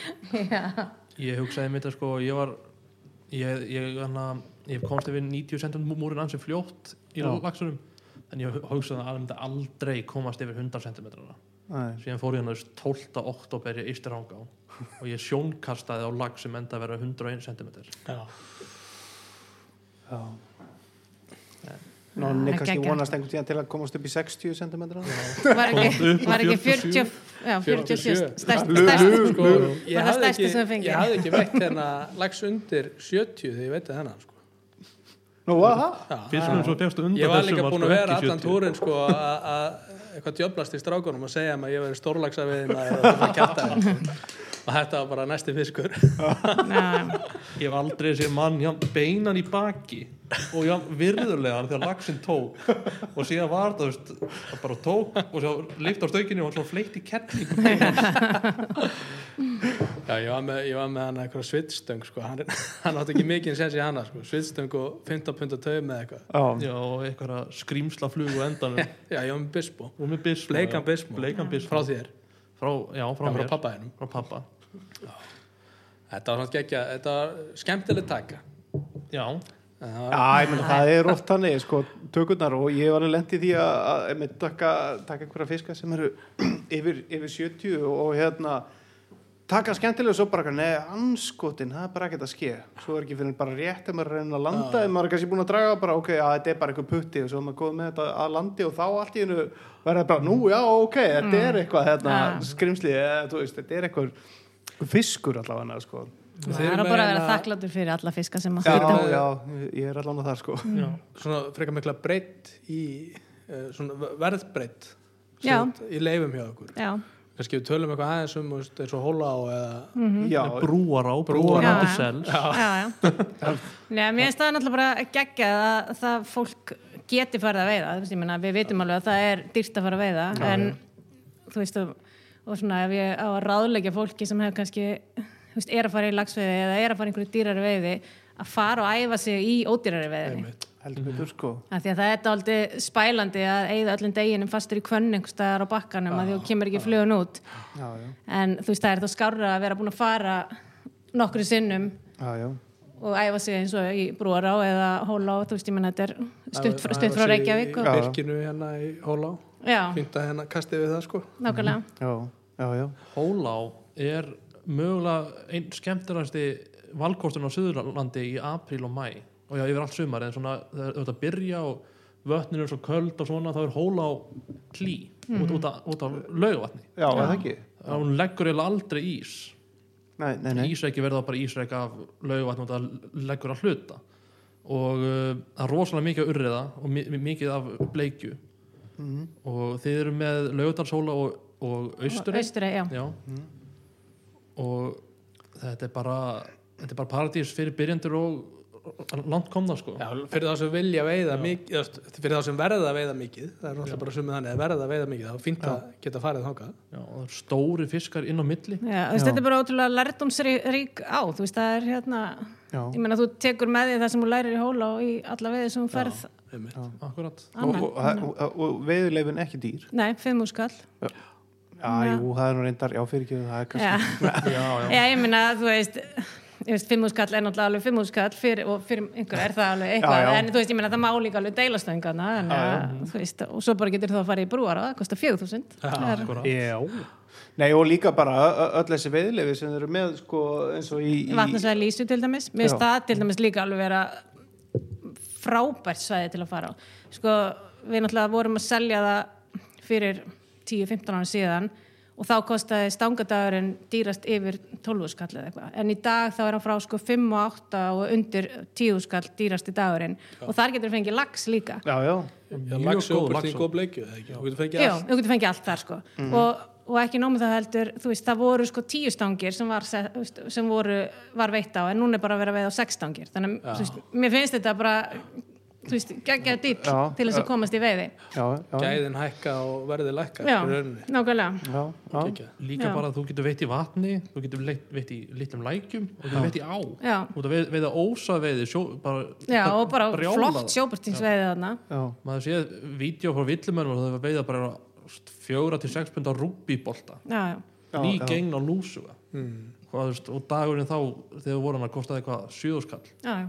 þetta er bara, þú veist, Já, já. og náttúrulega bara fallegt umhverfi og gaman að koma hana já, Já, ég hef ekki, ég hef ekki veit þarna sko þannig að það er kannski eitthvað til að bæta á fyrir sumarið eða haustið eða, nei, eða, eða vorið. Það er náttúrulega snæfellsin sem úst, mér, hefur lengi dreymt að taka svona einhverja ferð sko og taka hraunsfjörðin vatnarsvæði lísu, staðar á já, staðar á uh, það eru fleiri vötnana hérna.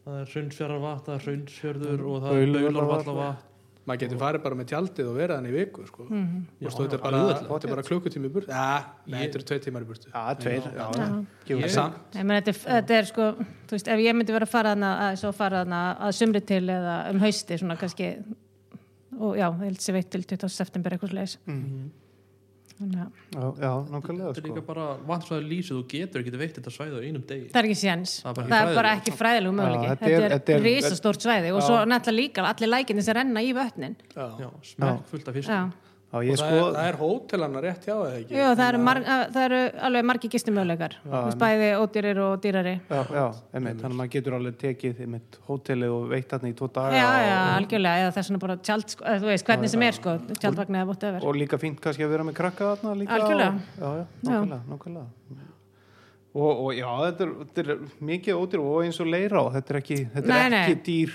veiðilefi Nei, nei, ég, ég, ég meina með, með húsi þá er þetta bara ágætlega sloppið held ég. Já, og við svona reynum að halda húsinu þú veist, eins góðu og hægt er þannig húsið er bara frábært fyrir Já. utan grillið en annars já, allt komin í grill. Yes.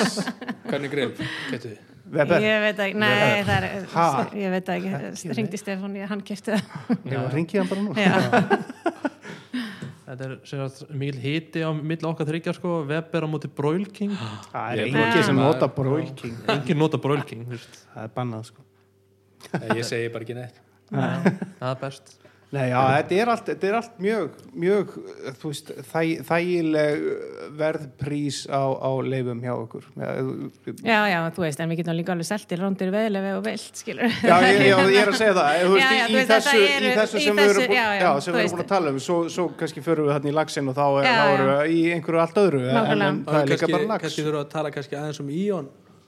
Þú ert að fara þangað, já, Já, hvenar 7. april og þú ert búin að veiða þar hvað lengi? hvað mörg ár? Já, Um, 20 ár Nei, nei, nei, nei. Ég, ég man ekki alveg hvernig fórangafeis kannski fyrir 6-7 árum síðan eða fyrir leis. já, já. Ég hef ekki, ekki veit þarna. Nei. Þetta er, er, er aldrei spennandi, er það ekki? Þetta er alltaf bara geggjað. Ekki fiskar. Það er, þú veist, það er náttúrulega bara geggjað að sjá þessa fiska og þú veist, þú kastar yfir þá, það bara og kastar yfir kartöflupott og sjóðandi kartöflum, þú veist, það er bara það er að flugan ferðan yfir. Já. eða línan fyrir yfir en hérna en svo getur þetta líka, þú veist, ég hef líka alveg átt að í, þú veist, hörðum norðan vindi það sem að, þú veist, ég hef bara verið með fluguna upp á bakka, þú veist að reyna að koma henni út, sko. Já, já, og ölduna upp fyrir haus Já, og... nákvæmlega, en, en þú veist, þetta er náttúrulega bara, þú veist, ég meina ástæðan fyrir að útlendingar að koma til Íslands þeir eru að koma að veiða lags náttúrulega, nummer eitt, en Mhm. nummer tvö myndi ég segja, Íon, að veiða svona stóra urriða, þetta er náttúrulega bara klikkað. Þetta er bara eins og að setja í bíl og svo bara keira hann í burtu, þú veist, Já, einmitt, sko, og ekki kannski bara einu sinni á Nei, vendilínu, nei, heldur kannski þrjus að fjóru sinni. nákvæmlega. Er ekki urriðin að sækja sér veðrið sko varandi útlendingana? Er ekki að koma fleiri Jú, útlendingar að jú, veiða ég held að það sé veist, og, staðbundin urriða? Jú, og þannig að það var náttúrulega sko, þú veist, ég er alltaf búin að svo gömul í hættinni, búin að vera að selja veiðferðir í yfir 20 ár en þannig að var og er alveg útlendingar sem er eins og koma eins og í þú veist, mývasveitina og svona þú veist, og það var örgulega vinsætla heldur en það er í dag af útlendingum. En við erum samt eins og veist, við erum með rosa mikið að dagsferðum til dæmis í vennilega ári þegar það er ekki COVID. Þú veist, fyrir útlendingar sem er að fara í sjálfsveiði og þeir eru náttúrulega bara að fara í brúara og hóla og varma og leira og eitthvað svona sko. Já, en jú, og svo eru þeir náttúrulega líka að fara í, þú veist, lengri ferðir í silung. Og eru að veiða kannski 40 cm urrið og finnst það bara að vera sturla.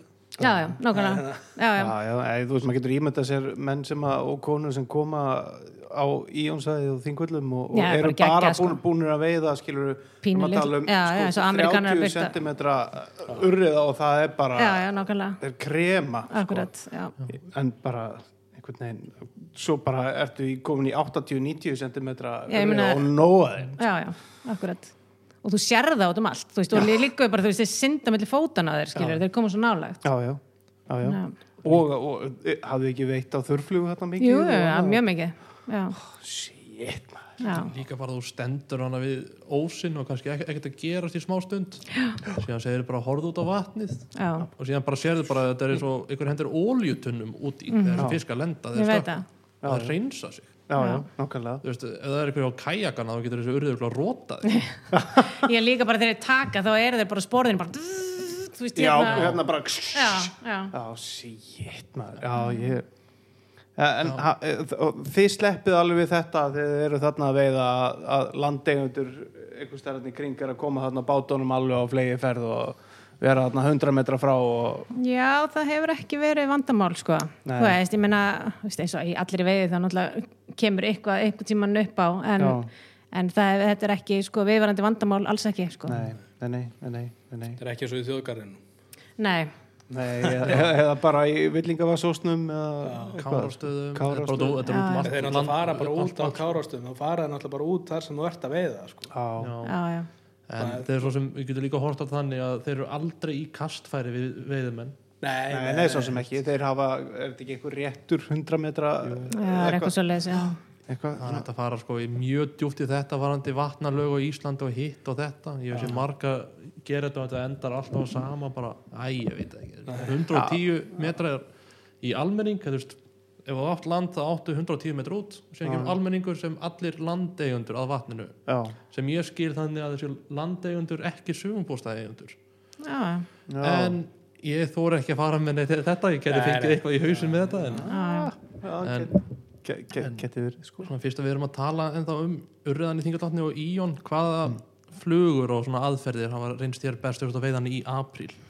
Uh, ég hef aldrei veitt hann í apríl reyndar. Yfirleitt hef ég veitt hann yfir sumarið eða á uh, hérna, í september. Og það farið í fyrsta skipti núna ég er snemma? fyrsta, fyrsta skipti núna svona snemma. Ú, spennandi. Er mjög spennandi, já, prófa það. Bara, hérna en já, hérna, púpur og tökuvara, veist það er, þið eru að taka tökum verið hérna bara alveg einhverja mjög hæga vegi já, hérna. já.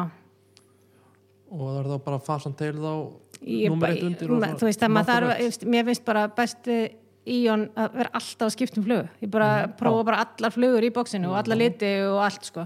Já. það er ótrúlega fyndið eða fyrir mig, þú veist, ég veit ekki þú veist, hvort aðra, aðra upplifun en þú veist, mér finnst ég bara eiginlega fá sko veist, maður þarf alltaf að vera að skipta. Þú veist, annars er ekkert að gerast. Já, já, þannig já. að jafnvel þó að virki, þú veist, í eitt skipti þá er ekkert endilega að flugan virki aftur, þú veist, næst. Þannig að, Akkurat. en já, kannski þá er líka bara kvild á milli, já, Já, já, já. líka svona ég er bara svona forvitin hvort þetta er reyndar að veiða Ölfusvassar ósinni eða Þorsteinsvíkina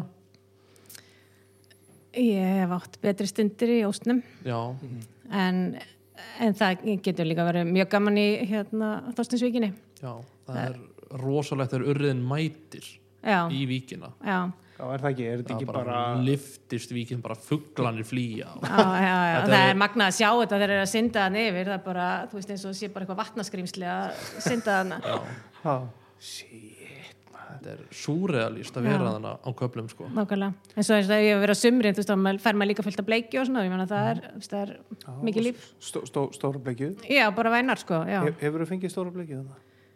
Rísastóra, nei, Nei, ekkert bara- eitthvað ekkert eitthvað sérstaklega eftirminnilegt Já, þú fengið stærri en murtu. Já, já, ég hef fengið. Það er en hafi. Já, það. hvað er, hvað er stærsta bleikja sem þú Það veit ég ekki. það? Málið er, ég, ég mæli aldrei fiska og ég veit eiginlega ekki hvað neina flugur heita.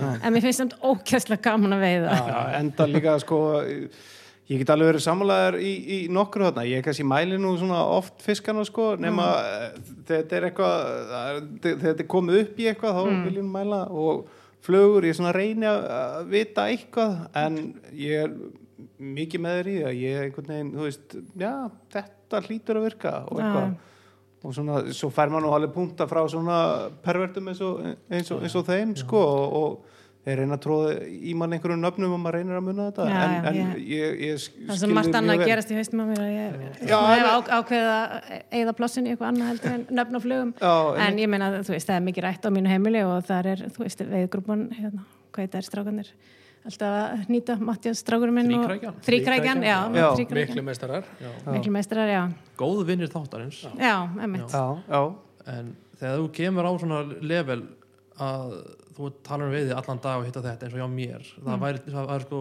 það væri gert grína mér, ég myndi ekki vita hvað þessi fluga heitir og hefur verið gert, ég bara svín fyrir eitthvað lagsaflug og ég bara uh, já, svört og blá uh, mann ekki alveg hvað bara, ha ha ha, það er ekki amdil í fansi ég bara, já, já, ok. Já, ég eiginlega, þú veist þú veist, ég kalla, þú veist, kannski þú veist, ég kalla einhvern tíma nobler, nobling og þú veist, og þá er allir bara, þú veist, það er ekki sjans, þú veist, þú átt ekki breyk skilur, þannig að það býst engin við að ég muni nöfn á flugum og nei Meina- og það skiptir mér bara rosalega litlu máli. Ég er samt alltaf að- að leiðbyrna fólki um val og flugum og ég veit hvernig það líti út og Já, veist, og ég veit, þekki nöfnuna en ég veit kannski ekki alveg hvað, hvað þú veist, Já, en já, svona einmitt, sirkabát fiskinum er náttúrulega drullu sama hvað flugan heitir sko. já, já, Og- nákvæmlega. og, og, hérna, og, og okkur líka eða þú veist, þannig ef við vitum að já, þetta er fluga sem virkar Já, já, nákvæmlega. skiptir okkur ekkit endilega máli hva, hva, hvað hún heitir, eða ég, ég er alveg það sko. Ég, en mér finnst samt alveg dásamlegt að fólk hafi svona mikið áhuga á þessu og líka bara eins og strákarnir eru heima að nýta allan veturinn, þú veist, þetta er, Já. þú veist, geggjað að að eigða allan veturinn í að undirbúa sig. Störlað sko. En þú veist, ég ger ekki góða flugur heldur, þú veist, þannig að en, bara en er eða? en Nei, veiða þær, veiða þær? Hvað segir veiða fluguna sem þú nýtir Já, það er fyrir öllu. Þú veist, kannski vandamál er að þú veist, ég kem þá bara einu sinni hérna, tömnum í gegna því ég er bara búin að lakka fyrir, þú veist, augað og þú veist, eða eitthvað skilur þannig að hérna, ég fæ bara flugur já, Já, við erum á svipum Öðrum- stað í nýtingunum já, ég er nýti flugur sem líta út eins og svona vannsköpuð skorkveikindi og ég veiði mjög vel á þær út af því séð þetta er eitthvað virkilega vannskapað þetta er Já. au- auðvelt að geta nákvæmlega það er eitthvað annað en nonni, nonni er nú alveg Já, nonni er svona fullkomina gaur og meðan ég nýti píkóka sko, og, og streamerkrók nummer 8 mm. sem aðeir, ég man ég fór í með enn benna félagi mínum á Svörtukletta fyrir nokkrum árum sem er svæðið sem þeir eru núna ko- komið með Mhm. og ég setti undir einhvern píkók sem ég nýtti, nummer 8 hann var bara svona stór Mhm.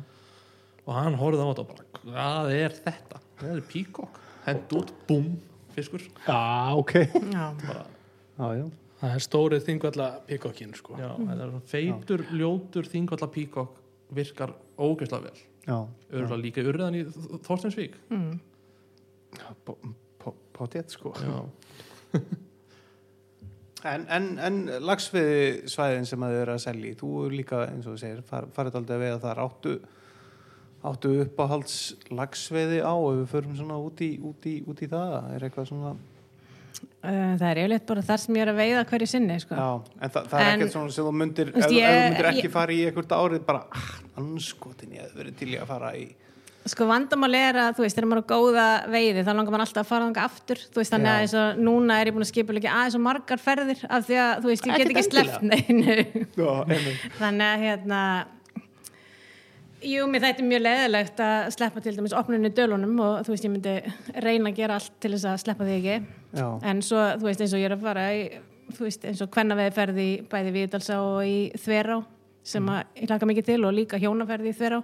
Og hérna já, þú veist, þetta er allt eitthvað sérstætt, skilur, þannig Já. að bara hérna, Urriðafoss, við náttúrulega opnum Urriðafoss líka og förum aftur hann í júni einhvern tímann og svo náttúrulega förum við nokkur sem í leira á yfir sumarið og haustið og Mm.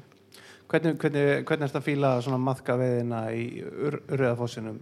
Færðu, færðu sömu uh, tilfinninguna fyrir veiðinni að Sko ég- vera með maðkinn eða, eða skipti kannski í máli eða? Ég var rosa mikið á móti maðki alveg því að mist ógslegt koma við hann Mhm. en þú veist, ég hef bara, hafði bara aldrei veitt á maðk fyrir en í Urriðafossi Nei. Og það er bara nokkur ár síðan bara fjö, fimm ár síðan eða eitthvað og hérna það kom mér pínu óvart hvað þetta er mikið tækni Já, þetta er og mér finnst ég læra pínu sko líka á bara hvernig fiskurinn liggur þú Já. veist og sem nýtist manni líka bara í flugveðinni sko. Já. vissulega þetta er auðvitað list að renna maðki Já. og ég veit að, að Steppi er mjög fær hann er mjög góður í þessu sko og það er mjög gaman að læra veist, ég myndi ekki mér langar ekki að veiða maðkneist þar annar staðar og, og þú veist, ég Nei. reyni að þú veist, veiða líka á flugu eins og ég, urðafossi, ég ger bæði. Já, en mér finnst samt gaman að prófa þetta. Já sjálfsögum ég hérna dreif langar að prófa mitt að því ég, eins og ég segi, ég held ég hef aldrei veitt sko lags á, á maðk sko. Nei. Ég hef einu svona veitt maðk á sko, maðk og, lag- lax á maðk og flótolt sko. já, En það er náttúrulega ekki sami hlutur sko. nei, nei, nei, nei Það var neitt hér í,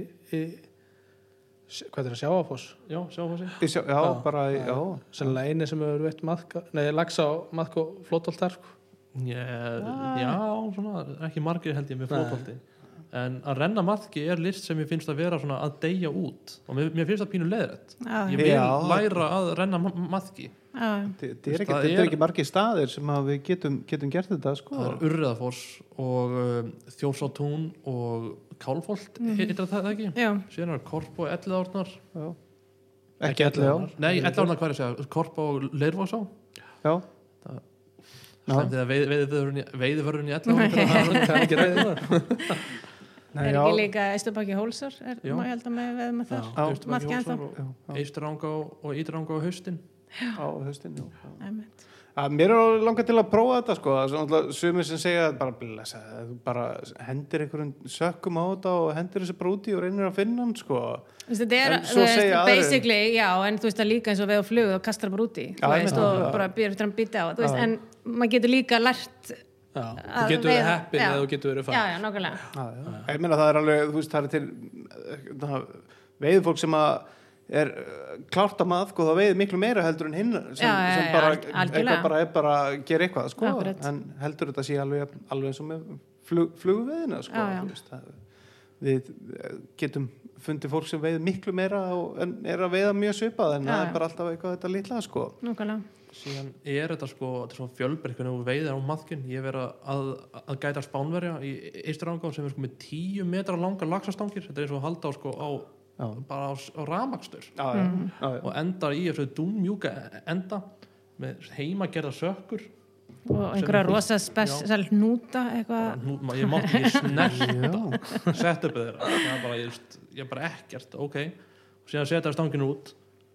Og þeir finna fyrir hverju einustu þúfu og bara litlum grjótum öllu. Já. og síðan tekur lagsinn og maður sér það bara. Dum, dum, dum, dum, dum, dum, og býða, býða, býða og kippu og veist, Já. eins og ég sagði bara þetta er oft í róki og rigningu með tíu metra langa stangir. Þetta er ekkit smá maður ég, ég, ég, ég prófaði þetta og ég fekk lag svona hjá þeim. Já, þetta er fáránlega skemmtilegt sko. þetta er bara eins og júrunnifa já svona basically Já, sko, þú ert með 10 metra langa stöng og 30 grama sökku. Getum Það kallað er þetta svona júrónimfa jú- með tvíendu sko. já, tíundu á styrn Já, já. Þetta er svona júró maðka já, júrómaðka við erum alltaf að segja það. Og já, og síðan er það líka mjög cool að vera með ambassador hjólið opna það svona að finna fyrir öllu já, ég hef ekki prófað þetta sko. Þetta er list sem er að hverfa. Já, það er að dána ekkert margir sem eru eitthvað súperfærir í þessu, sko. Þú nefndir hann að kvennahól Þú er nú svolítið að fara fyrir kvennahólum. Já. Sáður okkur það áðan mhm. Þú kannski að fara dýpri í það. Já? Já, mér, þú veist, hérna eftir að búin að selja veðileg við 15 ár aðlega til kallmanna, þá þú veist, finnst mér bara, þú veist, fá- þóttu mér bara vanta kannski einhvern vettfang fyrir konur því að oft eru kannski bara konur sem eiga mann sem að hefur engan áhuga veiði, þú veist, og þær vilja fara að veiða og Já, kannski eru þú kannski ekki með einhverjar vinkonur sem að langar að fara að veiða. Þannig. þannig að ég ákvaða að stopna hana félag eða svona einhvern hóp sem heitir TNT International. Og einu regluna væru að þú væri kona og hefðir áhuga á að veiða þurftir ekki að hafa neina reynslu og væri tilbúin að veiða með rauðan varalit. Já. Er, er, er, er, er, er, er þetta þetta sami liturinn? Hvaða litur er þetta? Númerið Er númerið á litnum? Mm. sko þetta er búið að vera rosaleg þróun að vinna að finna sko Rétta. rétta útvista varalitin Já. sem að dugar bara frá mótni og þólir vatn og rigningur og allt saman skilur og hérna, jú ég er með hérna tvo, eitt fæst reynda bara í Ameríku og einhverju heimasölu sko Ok.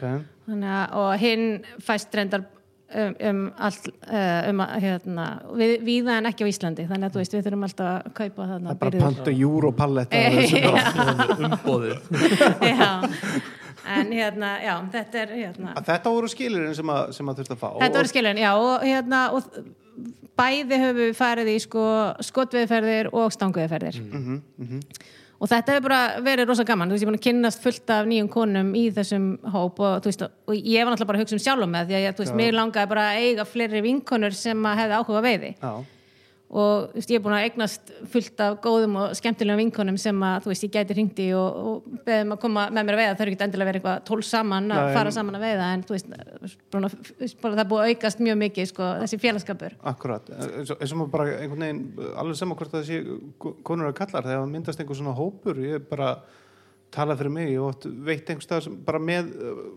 lend inn í hóp það sem eitthvað og maður bara kynnist skilur Já, já. bara eins og tölum um okkur sko. Við þekktumst ekki raskat fyrir árið síðan sko og hérna þetta er bara einhvern veginn samörglega með konur sérstaklega einmitt eins og, eins og, eins og þú stopnar félag það eru fullt af konum sem eru einar heima eða eitthvað kallin er að veiða og þær eru að fara að veiða einhver tíman en, en kallin er bara að veiða og þeim langar kannski að veiða og, eða kallin ekki veiða, þú Eða kallinn- alveg líka, veist, eða kallinn líka þannig, sko. ekki að veiða sko, einmitt, bara, herru, mér langar aðeins veist, og þá er ekkert mál að fara inn í svona hóp vegna þess að það tekið svo vel á mót öllum og það er bara, þú veist, basically eru bara allir við erum bara allar að læra á hver annari og þú veist, það er bara þannig og, hérna, nákvæmlega. og svo erum við líka búin að vera mjög duglegar bæði fyrir skotviðferðinar og stangviðferðinar að vera að æfa okkur yfir veturinn. Já. þú veist, þannig að þá erum við hitta, veist, hittast og kasta og fara yfir flugur og fara yfir anna og svona, þú veist, undirbúa okkur svolítið.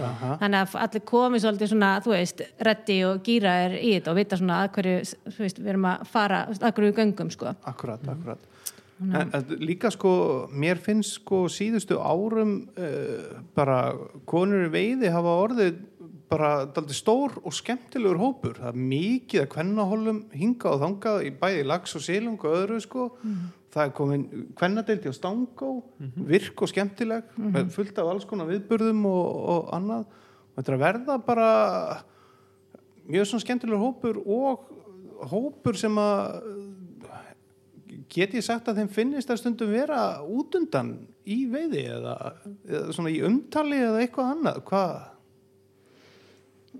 ég, veist, ég held við séum ekkit við erum ekkit mikið að tala um það eitthvað hérna, en þú veist, ég held að við kannski konur hafa meira svona treyst á mannin sinn í veiðinni, þú veist það kannski sumar sem er að fara að veiði fyrir skipt hafa, þú veist, í kvennahóp hafa kannski aldrei verið að setja saman stöngina sína áður eða, þú veist, eða skipt um flugur, þú veist, ég meina, þetta er ekki eins og þetta sé eitthvað flókið, skilur, Nei, þú veist, en, en þegar maður er með einhvern veginn einhverju sem er aðeins vanari heldur en maður sjálfur og er svona hinn helmingur nammanni. Þú veist, þá tekur hann bara þann bolta sko, Já, þú veist eins og við erum kannski þú veist, meira að sinna börnunum eða eitthvað skilur Já, en hérna, þú veist, ég held að við verðum bara miklu sjálfstæðari, akkurat. Þú veist, þegar maður er að gera þetta sjálfur. Já, og alveg pott ég að hafa meira gaman að því sko. Já, já, nákvæmlega, og svo líka bara, þú veist er maður manns ekkit endilega besti kennarinn sko, þó svo hann þykir svona yfir höfu góður leysumar þá kannski heyr maður hlutina þess öðruvísi þegar hann er að segja við mig heldur en einhvern annan. Já, Þannig hérna- Og þið líka kannski hlustið aðeins öðru ég reyndi, ég reyndi mikið að kenna konur minni bara að kasta og ég held að ég hef aldrei farið jafn varlega að, að neittni mannesku í að svona vera rólegur og, og hérna. Já, já, það þýtti ekkert sko. Það var bara, hún var bara eins og Andri Sönd bara alveg brjálu að því ég segi bara, bara alveg hérna passa bara þetta. Já, er það, allt brjálu sko. með- maður heyri svolítið svona veist, ég, sagði 15 cm þú veist, gæti, hérna, kasta þangað eitthvað, þú veist, hljómar, gæti, aðeins öðruvísi, sko. Já, já. En, en mér finnst mjög gaman að sjá hvað hva, hva þetta er orðið svona stærra og, og, og svona bara einmitt, stórt batteri konur í veiði sko. Já, já, ég held, þú veist, ég las einhverstaðar að þú veist, svo íþrótt í bandreikjanu það sem er mest aukning kvenna, það er stangveði Já. og ég trúi því að það sé líka á Íslandi og er kannski bara á heimsvísu ég pottet, veit ekki, sko. en að það er allan orðið miklu meira núna að konur er að koma að veiða, þú veist, reyndar ekkert svo margar konur sem er að koma einar að veiða hjá okkur frá Já. útlöndum Nei. en samt alveg einhverjar sko. ok, já Man sér að það stækkar í bandaríkjum hana 50-50 on the water og, og hérna Orvis er í einhverju átæki alltaf og Já, þetta er svona bara svona stígandi sko. Já, já, Bara- algjörlega. og maður sér það líka á miðlunum, úst, Instagram og Instagram sko. Já, já. á flottum konum að veða algjörlega og sem líka bara gefur bara öðrum konum bara svona búst bara hlýtur að vera þú veist og það eru konur farnar að leiðsegja í, á, á í, Íslandi. Já, já. og þetta í bandaríkjum og fleiri löndum og svona fórsprakkir að því er er það ekki hún Katka? Jú, Katka er búin að vera gæta hennar Ég samt veit eins og ein, veit um ekki, Vigdís sem að er búin að vera gæta í mörg ár eins og í straumunum og brennu og einhvers staðar sko. Já, en hérna en jú, þetta er náttúrulega að breytast. Já, og bara sem betur, betur fer segi ég sko. Já, já, og þú veist, ég veit allan að leysugumennindi sem hafa vinna í okkur, þeir eru alltaf rosa glæðir að fá konur af því að þeir hlusta svo vel. Já, já, já, Þannig að hérna, þú veist, þeir eru svo tilbúinir að læra. Já, og þykjast ekkert vit allt sko. Nei, það er svona, já, það, er- þú veist, þeim finnst oftar en ekki auðveldara að leiðsæja konum heldur en körlum. Já. Þannig að, ég veit ekki. En þú mistið það út úr, þú ert ekki bara að skjóta þú ert, nei ekki að veiða, þú ert að skjóta líka. Já, og þú mistir út úr að þú væri konungborin í hvað, Íslandi? drottning, já, þú ert drottning í Íslandi. Já, það var hérna svolítið skrítið að segja fyrir því, en það er svona, hérna, við hefum tekið þátt í svona kvennaveiði hóp í Íslandi í nokkur ár, hérna, og eitt árið, og það er alltaf valinn sko ein drottning, þú veist, veiði drottning Íslands.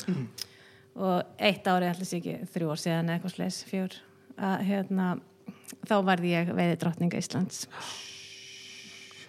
byggar og kóruna Já, það var eiginlega veið, útskorinn veiðinýfur og, og eitthvað svo leið, sko, já, eitthvað meira. Já, alls konar veiðiföt og hérna, já, eitthvað svona. já, frábært. Mm já, og taska og alls konar. já, og það var í einum af ferðanum hjá hana TNT Já, það var. TNT, já, með rauðan varlið þá skaut ég fjóra elgi, það, fjóra elgi?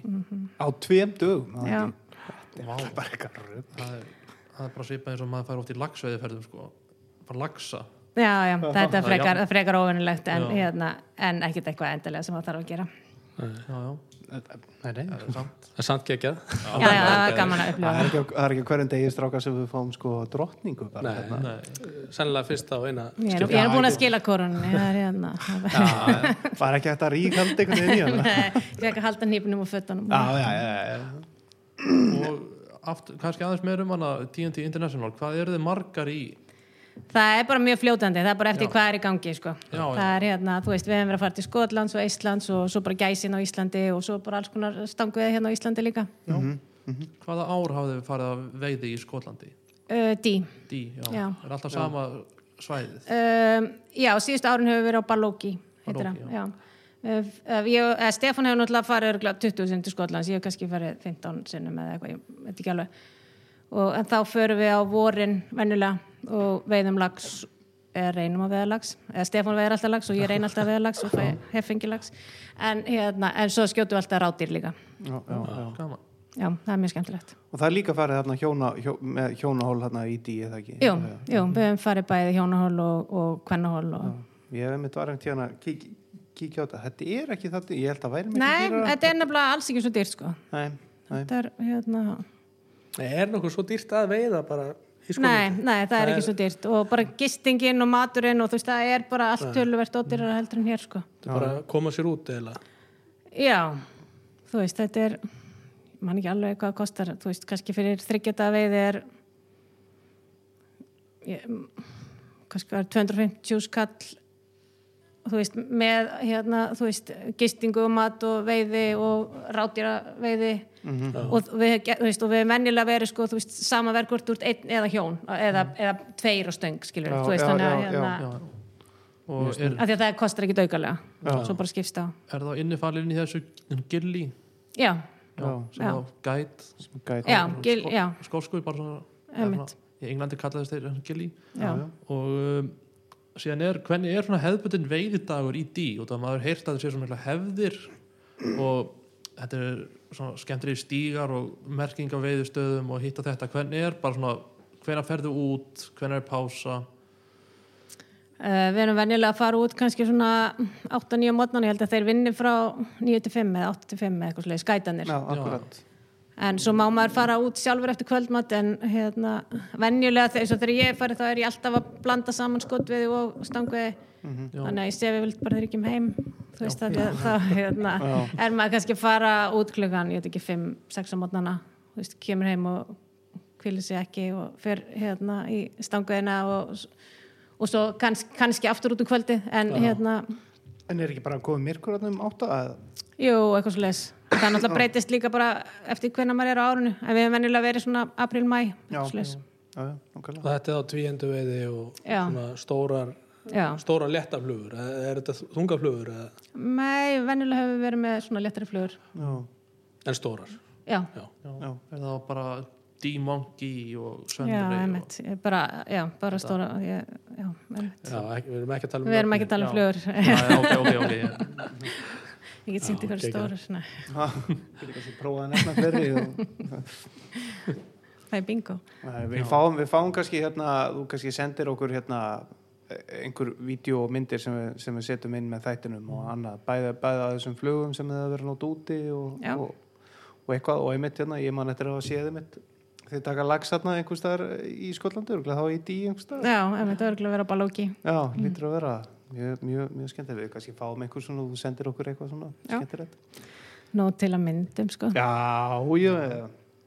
En eigum við að fara kannski bara yfir hérna sumarið og, og, og bara, já, núna, hva, hvar þú ætlar að veiða yfir, Mhm. yfir bara hvar frá byrjun til enda Já, já, nú held ég aðeins búin að nefna það en ég skal segja hérna ég er að byrja í Leira á 1. apríl fyrir svo aftur 5. apríl svo fyrir ég í Íón 7. apríl og svo er held ég ekkert plana fyrir en 1. júni það fyrir Já, og aftur 7. júni Mhm.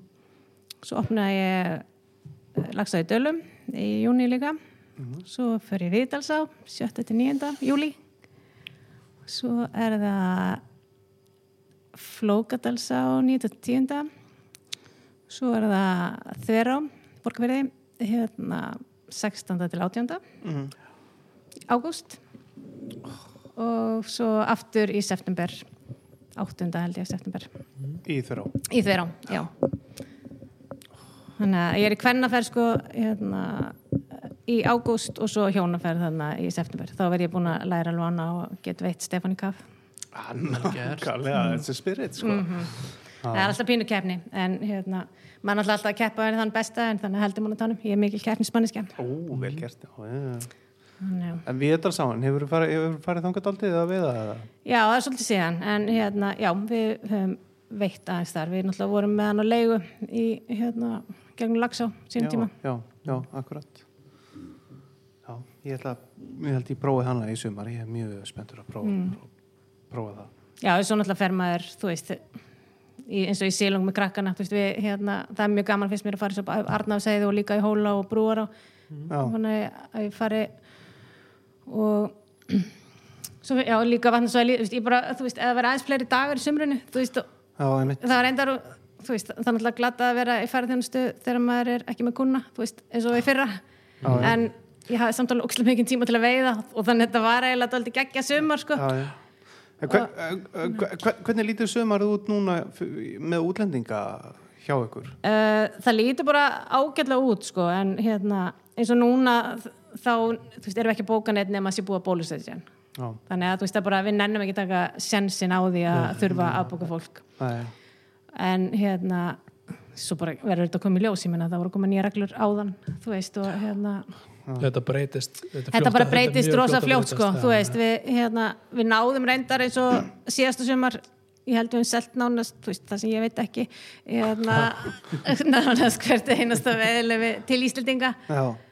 Og hérna, En þá á einhverju Já, örlítið já. minni prís já, og, já, nákvæmlega. En þú veist, ég minna við erum að heyra þú veist, að ferða þeim staðalum sem hafa, þú veist droppað í tekjum um 97% þú veist, við vorum ekki alveg þar, skilur Nei, þú veist, en hérna, þetta var ekki besta árið okkar en þú veist, við komumst bara gegnum þetta. Já, já, já, já. Að- Og voru leigutakar nei, þú veist, landeigundur að sína einhvern Já, skilning mér fannst þarna? allir vera bara það, voru ekki allir svona bara mér, þú veist, jú, við náttúrulega vorum að glíma við eitthvað sem að var ekkit hægt að ráða við og mér, ég, ég held að allir hafi bara tekið á sig þú veist, saman. Mm. mér sýnist það. Já, já, að, hérna, svona yfir höfuð. Já, já.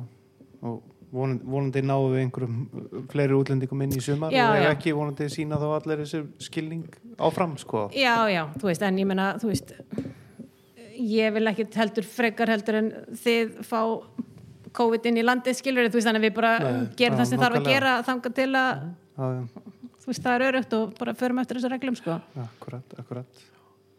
Hérna við tölum nú aðeins svona um að við, þú gætir eiginlega ekki tala kannski mikið um ytri uh, við verðum satt kannski aðeins að reyna að spyrja það einhverju.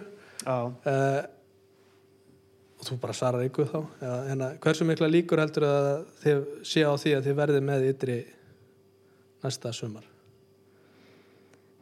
Það bara er algjörlega í höndum landiðanda hvernig þetta fer allt saman. En þú veist, við erum ótrúlega spennt og vonandi þú veist, við værum rosa til í að sjá að meitir á góð, ég menna okkur við dreymtum það í mörg ár. Við reyndum það fyrir uh, hvað, 2014 að, þú veist, en við, við erum mjög spennt fyrir þessu vatnarsvæði en þetta er náttúrulega bara í höndum landiðanda já þeir eru bjart sín ég menna bara, þú veist. En þið buðuð ekki í ytri nú, jú, jú, jú, þið við buðum, Já, ok. Og kannski svona að öðru sem kannski aðeins minni hópur hugsa um þegar heyrum í ytri hmm. urriðarsvæði í ytri er þá lagt kannski aðeins meiri áherslu að koma því út til, í, í svona í almenna markað heldur en hefur verið gert á finnst ég held að þú veist, við erum alls konar hugmyndir sem Já. að við myndum vilja gera þarna en veist, ég held að sé bara ekki tímabært að fara að tala um einhverjar útferðslir á einhverju sem er, er ekki Sem orðið, skilur þú veist, ég. Henni, þannig. Að hérna en ef að svo fer þá, þá bara já, við býðum spenntir. Já. kannski að Komum tala við við þið bara hérna aftur já, þegar við vitum eitthvað aðeins meira. Já, já, já. Eða kannski myndi bara fá hjón í, í, í settið sko, Já, það væri nú ekki leðilegt Mhm. En ekki vera. ég veit ekki strákar höfum við eigum- hafið hafið eitthvað meira? Er kannski komin tími á að ræða um veiði lag já, að hugsa við, það? við ætlum nú að halda, halda, halda því hérna. Að okkur finnst þetta mjög skemmtilegt í að svona, svona viðmælendur hafa oft eitthvað svona einhverja tengingu við lög og músík eitthvað í veiði og mm. þú fannst helvítið skemmtilegt lag. Já hérna venjulega samt sko að því að þú veist, mín veiði er oft svolítið svona stolnar stundir þannig að þú veist, það er bara mist kól sem ég er að svara sko á milli Já. veðstað hérna, þegar ég er að fara á milli veðstað en hérna, eða, það er eitt lag sem ég er mjög skemmtilegt að hlusta í veiði og því að það er stund, regnum stundum á okkur mm. og það heitir It's Coming Down með hljónstinni Cake geggjalag sko. já, mjög gott er þetta ekki eitthvað sem, er. er eitthvað, er eitthvað kom sem svona úlingur eða, eða þannig eða svona, mm, nei, nei, þetta er bara einhvern veginn hefur, já, þetta er bara, já, flott lag. Geggjað, geggjað sko. uh, Hefur við þá ekki bara kl- klingi út af þessu lagi? Harpa, við bara þökkum við kærlega fyrir að deila hérna stöng með okkur fjórum. Já, takk fyrir, mjög gaman. Ekki, takk.